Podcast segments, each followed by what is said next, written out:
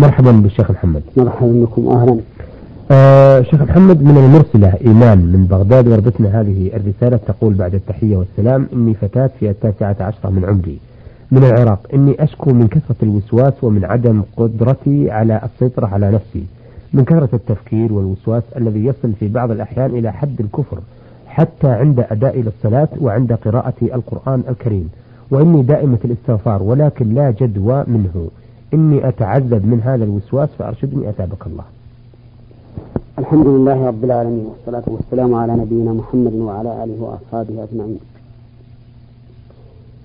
أما بعد فإن الوسواس في الغالب يحدث من الفراغ النفسي والفكري بل والجسمي لأن الإنسان إذا انشغل اهتم بما يشتغل به فبعد عن الأفكار والوساوس الرديئة. ولكن مع ذلك قد يحدث الوسواس حتى مع وجود ما يشغل الفكر والجسم والنفس. والطريق إلى التخلص منه أولا عدم الالتفات إليه والاهتمام به. لا يلتفت إليه المرء ولا يهتم به ولا يجعل له شأنا في نفسه. حتى لو وسوس فليوطن نفسه على أن هذا الأمر ليس بحقيقة ثم يدعو التفكير فيه. وهذه طريقة التخلية أن يخلي نفسه منه وأن لا يهتم به ولا يلتفت إليه. الطريق الثاني للتخلص منه أن يستعمل الأسباب المنجية منه. وذلك بكثرة التعوذ بالله تعالى من الشيطان الرجيم ومن الوساوس ويكون حين التعوذ مستشعرا لأمرين. أحدهما الافتقار إلى الله تبارك وتعالى الافتقار الكامل من جميع الوجوه بحيث يتبرأ الإنسان في هذه الحال من حوله وقوته ويفوض الأمر إلى الله سبحانه وتعالى. الثاني أن يحس بأن الله تبارك وتعالى بل أن يشعر بأن الله تعالى قادر على إزالة ذلك. وأنه إنما أمره إذا أراد شيئا أن يقول له كن فيكون. وينبني على ذلك على هذا الأمر الثاني قوة الرجاء الرجاء لله سبحانه وتعالى وحسن الظن به حتى يتخلص من هذا الداء الذي أصابه في نفسه. الطريق الثالث للتخلص من هذا الأمر أن يكون حين اشتغاله بأمور دينه ودنياه جادا فيها بمعنى أن يحضر قلبه عند العمل للعمل. وحينئذ إذا انصرف القلب عن الوساوس والخمول الفكري إلى الجد في العمل والنظر إلى الأمور بعين الجدية فإن القلب يتحرك ويتصرف ويتجه إلى هذه الأعمال وبذلك ينسى ويزول عنه تلك الوساوس والأفكار الرديئة. الطريق الرابع التخلص منه أن يعلم بأن هذا الأمر ولا سيما الوساوس في العقيدة وفيما يتعلق بالله تبارك وتعالى وبأسمائه وصفاته يعلم أن هذا قد ورد على من هم أكمل منا إيمانا وأرقى منا حالا.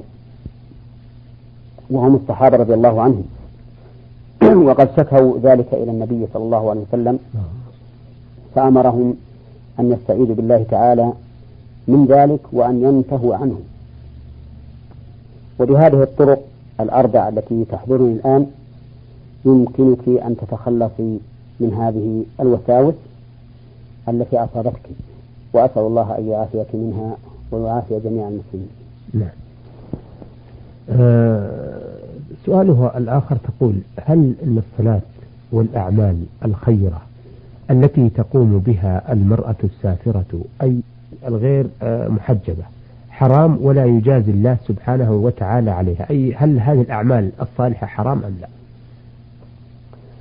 الأعمال الصالحة على اسمها صالحة ولا يمكن أن تكون حراما إذا كانت واردة على كتاب الله وسنة رسوله صلى الله عليه وسلم ولا يمكن أن تكون صالحة إلا إذا كانت على المنهج السليم المبني على الإخلاص والمتابعة لرسول الله صلى الله عليه وسلم وكأن السائلة تقول هل هذه الأعمال الصالحة تنفع مع عدم الحجاب هذا هو الظاهر نعم. الذي تريد نعم. فنقول لها نعم إن الأعمال الصالحة تنفع مع الأعمال المحرمة. وعلى هذا تكون المحاسبة والموازنة بين الأعمال يوم القيامة. نعم. فيعمل الإنسان عملا صالحا ويعمل عملا سيئا وآخرون اعترفوا بذنوبهم خلقوا عملا صالحا وآخر سيئا. أسأل الله أن يتوب عليهم. إن الله غفور رحيم.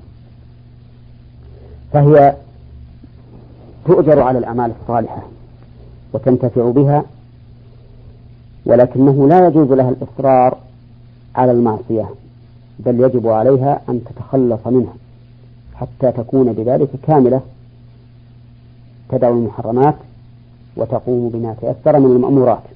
نعم, نعم. أه سؤالها الثالث سؤال إيمان من بغداد. تقول هل عند قيام المسلم بالدعاء والسؤال من الله عز وجل وقوله مثلا اللهم اغفر لي بجاه سيدنا محمد صلى الله عليه وسلم.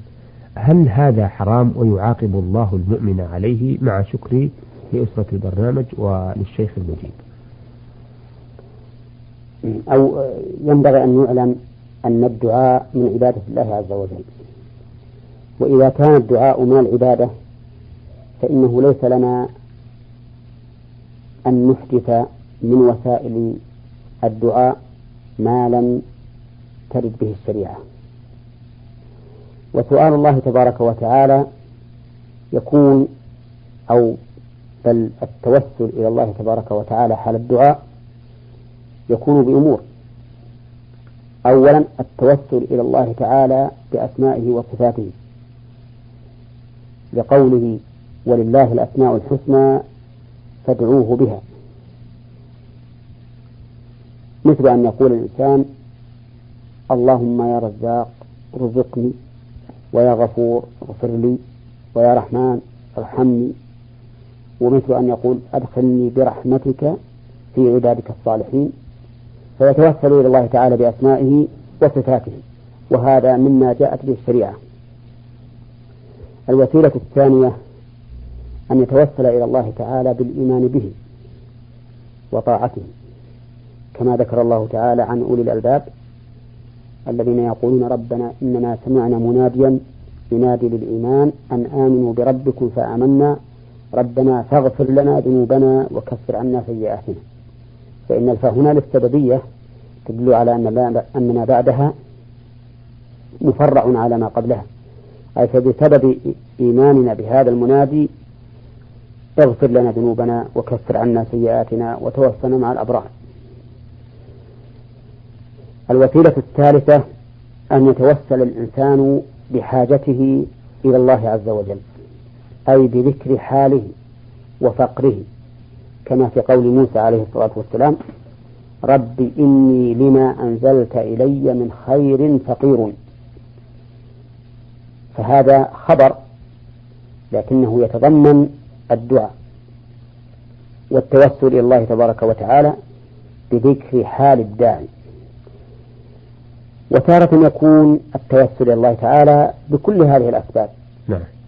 كما في الدعاء الذي علمه النبي صلى الله عليه وسلم أبا بكر يدعو به في صلاته اللهم إني ظلمت نفسي ظلما كثيرا وإنه لا يغفر الذنوب إلا أنت فاغفر لي مغفرة من عندك وارحمني إنك أنت الغفور الرحيم فإن هذا توسل إلى الله تعالى بذكر حال العبد اللهم إني ظلمت نفسي ظلما كثيرا وبالثناء على الله تعالى بصفاته في قوله وإنه لا يغفر الذنوب إلا أنت وهذا من الإيمان بالله. فاغفر لي مغفرة من عندك إنك أنت الغفور الرحيم. هذه هي الأس... هذه هي الوسائل الشرعية الصحيحة التي يتوسل بها المرء إلى الله تعالى في إجابة الدعاء أو لإجابة دعائه. نعم. أما التوسل بالنبي صلى الله عليه وسلم نفسه فإن كان توسلا بدعاء النبي صلى الله عليه وسلم للمتوسل فهذا لا بأس به ولكن هذا لا يكون إلا في حياة الرسول صلى الله عليه وسلم. كما في قول عمر رضي الله عنه اللهم إنا كنا نتوسل إليك بنبينا فتسقينا وإنا نتوسل إليك بعم نبينا فأسقنا ثم يأمر العباس بن عبد المطلب فيدعو الله عز وجل. وكما دخل الأعرابي والنبي صلى الله عليه وسلم يخطب يوم الجمعة فقال يا رسول الله هلكت الأموال وانقطعت السبل وجاء العيال فادعوا الله يغيثنا.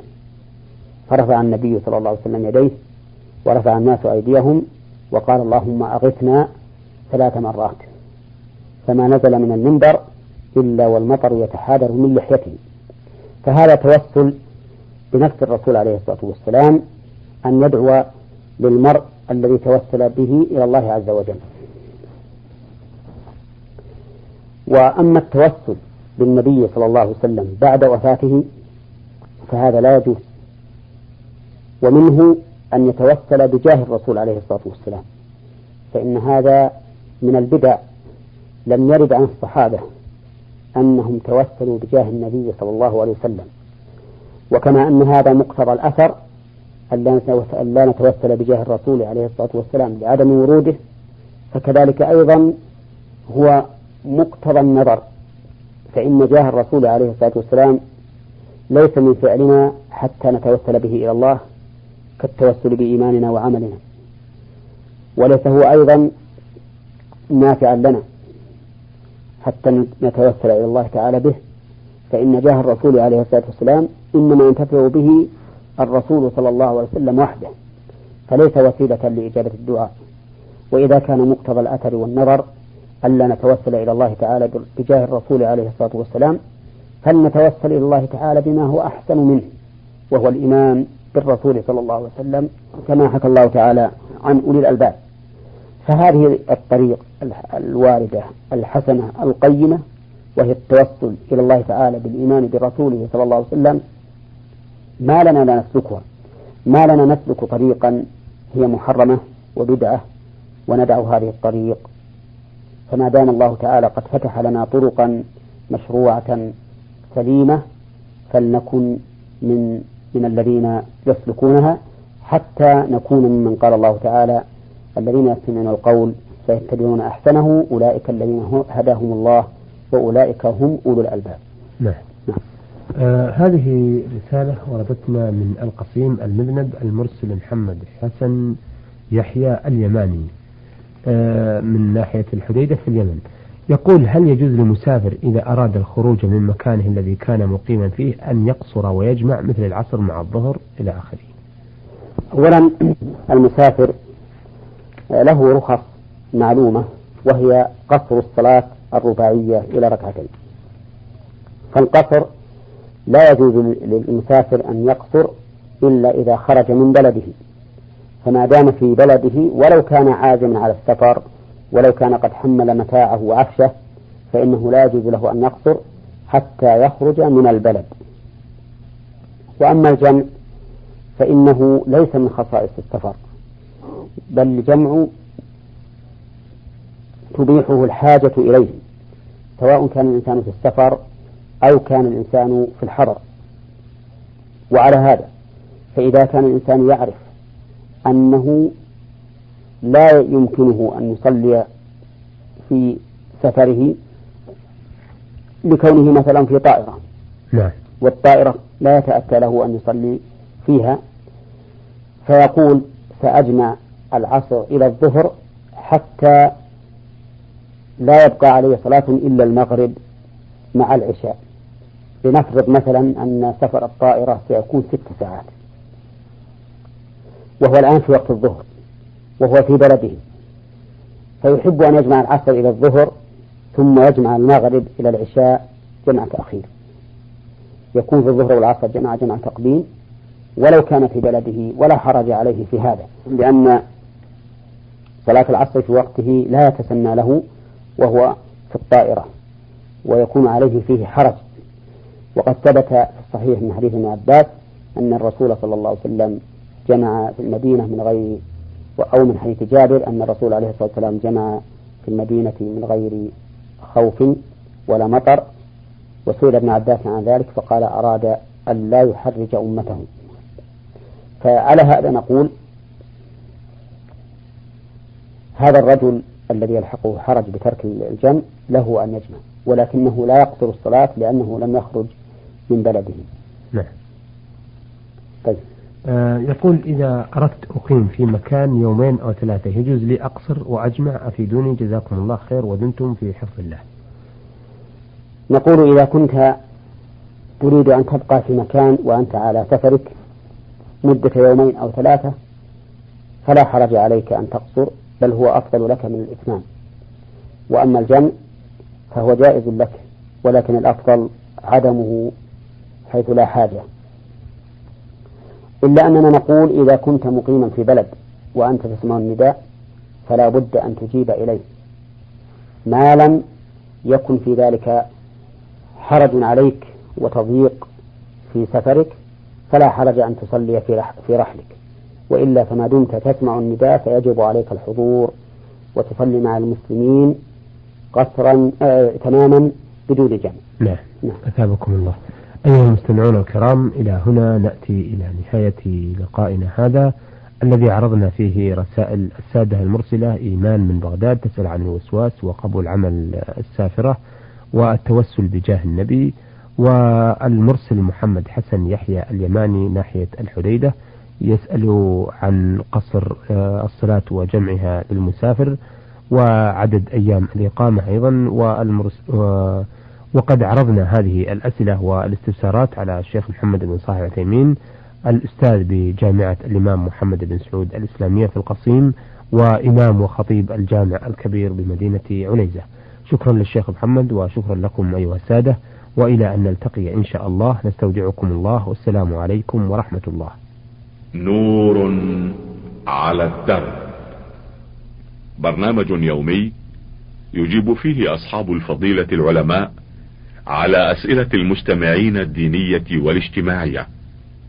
البرنامج من تقديم وتنفيذ سليمان محمد الشبانة.